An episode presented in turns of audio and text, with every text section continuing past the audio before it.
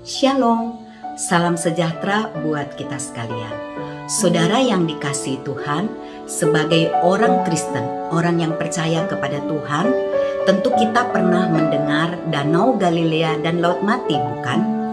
Keduanya memiliki karakteristik yang unik yang membuat keduanya menjadi sangat berbeda. Di Danau Galilea hidup berbagai macam ikan-ikan.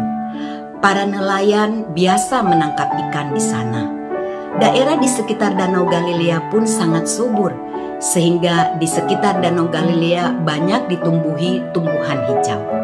Berbeda dengan Laut Mati, air Laut Mati mengandung garam yang cukup tinggi. Hal ini mengakibatkan makhluk hidup sulit bertahan di Laut Mati. Daerah di sekitar Laut Mati pun sangat kering dan gersam. Mengapa demikian, saudara-saudara? Rupanya Danau Galilea memperoleh air dari sungai-sungai kecil yang berada di sekeliling Danau Galilea dan kemudian dia menyalurkannya ke Sungai Yordan.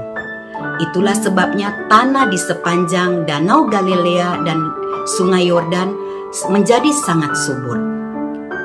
Sebaliknya Laut Mati memperoleh air dari Sungai Yordan, tetapi dia tidak mengalirkannya ke mana pun Laut Mati tidak memiliki sama sekali saluran keluar. Di sini kita dapat menarik pelajaran berharga bahwa membagi berkat itu sangat menyenangkan. Membagi berkat itu sangat menyehatkan. Membagi berkat tidak akan membuat seseorang menjadi berkekurangan. Bahkan membagi berkat bukan saja mendatangkan kebahagiaan bagi orang yang menerima berkat, melainkan mendatangkan berkat dan kebahagiaan juga bagi orang yang memberi berkat. Benarlah kata firman Tuhan yang terdapat di dalam Amsal 11 ayat yang ke-25. Siapa banyak membagi berkat, diberi kelimpahan. Siapa memberi minum, dia sendiri akan diberikan minum.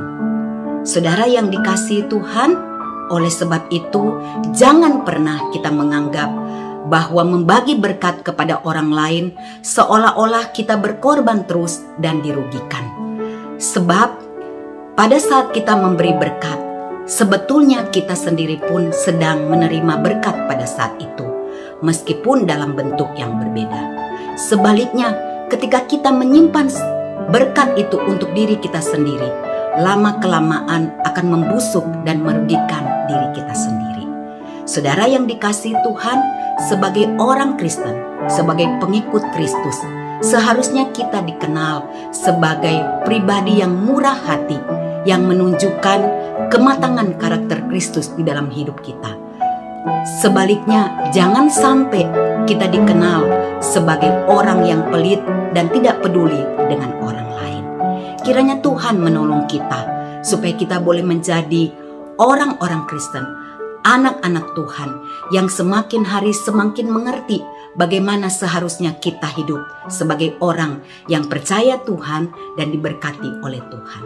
Kiranya Tuhan menolong kita. Amin.